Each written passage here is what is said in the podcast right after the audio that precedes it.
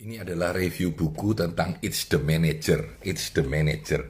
Ini buku Galup, buku Galup ya. Dan buku ini mungkin menurut saya 6 bulan terakhir buku terbaik yang saya lihat ya. Jadi buku ini uh, cukup tebal ya. Uh, harganya 500 ribuan kira-kira ya. Dan di dalamnya ada akses code buat Anda mengikuti strength base uh, Galup ya.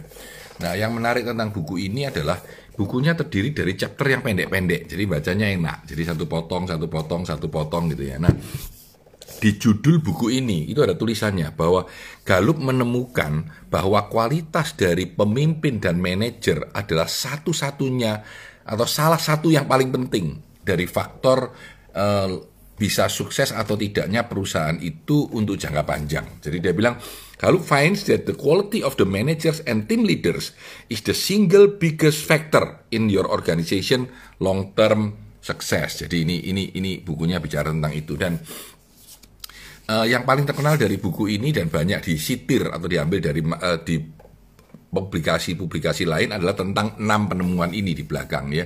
Enam penemuan ini bilang bahwa manusia-manusia baru sekarang itu ketika di riset bekerja itu kenapa? Dia bilang terjadi pergeseran yang cukup fundamental. Ya dan ini saya kira saya yakini sangat benar dan saya yakini setelah Covid ini justru akan terjadinya lebih kuat lagi. Yang pertama, orang itu menemukan dulu yang pertama adalah bergesernya dari keinginan untuk gaji menjadi keinginan untuk menemukan suatu yang lebih bermakna buat dirinya. My paycheck become my purpose ya.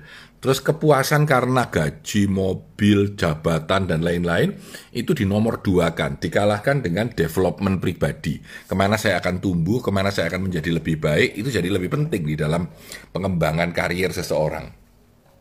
Bos itu akan bergeser menjadi coach, karena itu kalau Anda lihat, mungkin tiga tahun terakhir ini eh, perkembangan coaching itu bertumbuh dengan luar biasa. Orang ingin di coach ya supaya dia lebih bagus dalam kehidupannya. Ini yang bagaimana bos menjadi coaching. Kemudian kalau dulu dilakukan annual review, review itu setahun sekali, maka sekarang harusnya review itu terjadi day to day dalam percakapan sehari-hari sehingga orang itu tahu apa yang dia salah dan apa yang dia benar.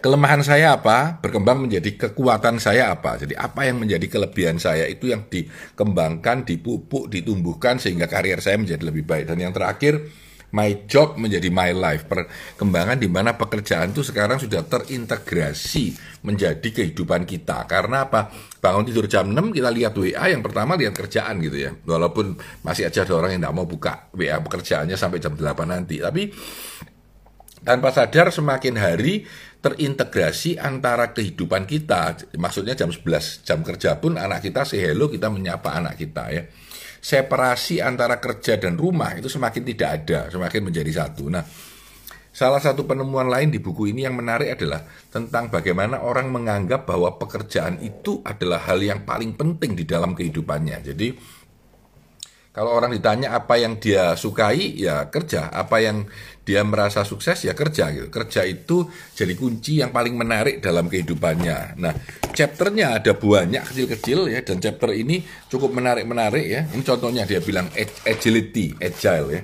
Bagaimana kita menjadi cepat dan tangkas dalam menghadapi kehidupan ini. Karena agile itu penting ya. Jadi semakin eh, belakangan semakin banyak perubahan, terutama apalagi setelah COVID ini ya manajer yang hebat itu harus agile, harus bisa bertindak cepat, tangkas, berani mengambil keputusan dan jalan dengan cepat. Ya, ini contoh uh, bab-babnya. Jadi setiap bab itu ada satu uh, hasil riset penting yang bisa dipakai, ada satu hasil riset penting yang bisa dipakai, dan buku ini menurut saya salah satu buku yang bisa dibaca ulang berulang-ulang. Jadi karena babnya pendek tapi punya kedalaman yang cukup tinggi. Nah, di belakang mungkin kira-kira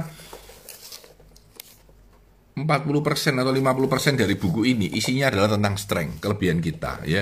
Dalam uh, dalam metode Clifton Strength. Jadi Anda kalau mengambil Clifton Strength bisa dapat gratis karena di buku ini ada ya didapatkan Clifton Strength Anda akses Anda gratis, ada kuponnya Nah, uh, buku ini bicara tentang setiap pendekatan, setiap kelebihan seseorang, apa dan bagaimana dia memanfaatkan kelebihan itu supaya tumbuh menjadi lebih besar sebagai seorang manajer.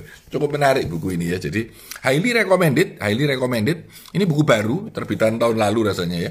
Dan menurut saya uh, ini mungkin buku terbaik yang bisa Anda beli saat ini, yang terbitan baru, bisa dilihat dalam jangka panjang, bisa berdampak panjang buat Anda, lalu bisa Anda ambil dan tahu kekuatan Anda dan bisa Anda perdalam dengan berjalannya waktu ya. It's the manager ya. Buku dari Galup. Saya senang sekali dengan buku ini dan saya percaya juga akan berdampak positif buat Anda asalkan Anda memberikan waktu untuk mendalaminya ya. Saya kira itu uh, saya Tanah di Santoso review buku pendek dalam masa COVID ini saya akan mencoba untuk uh, membuat cukup banyak review buat teman-teman dengan beberapa insight dari buku itu yang menurut saya berguna buat kita semua. Saya Tanah di Santoso, sukses selalu untuk Anda.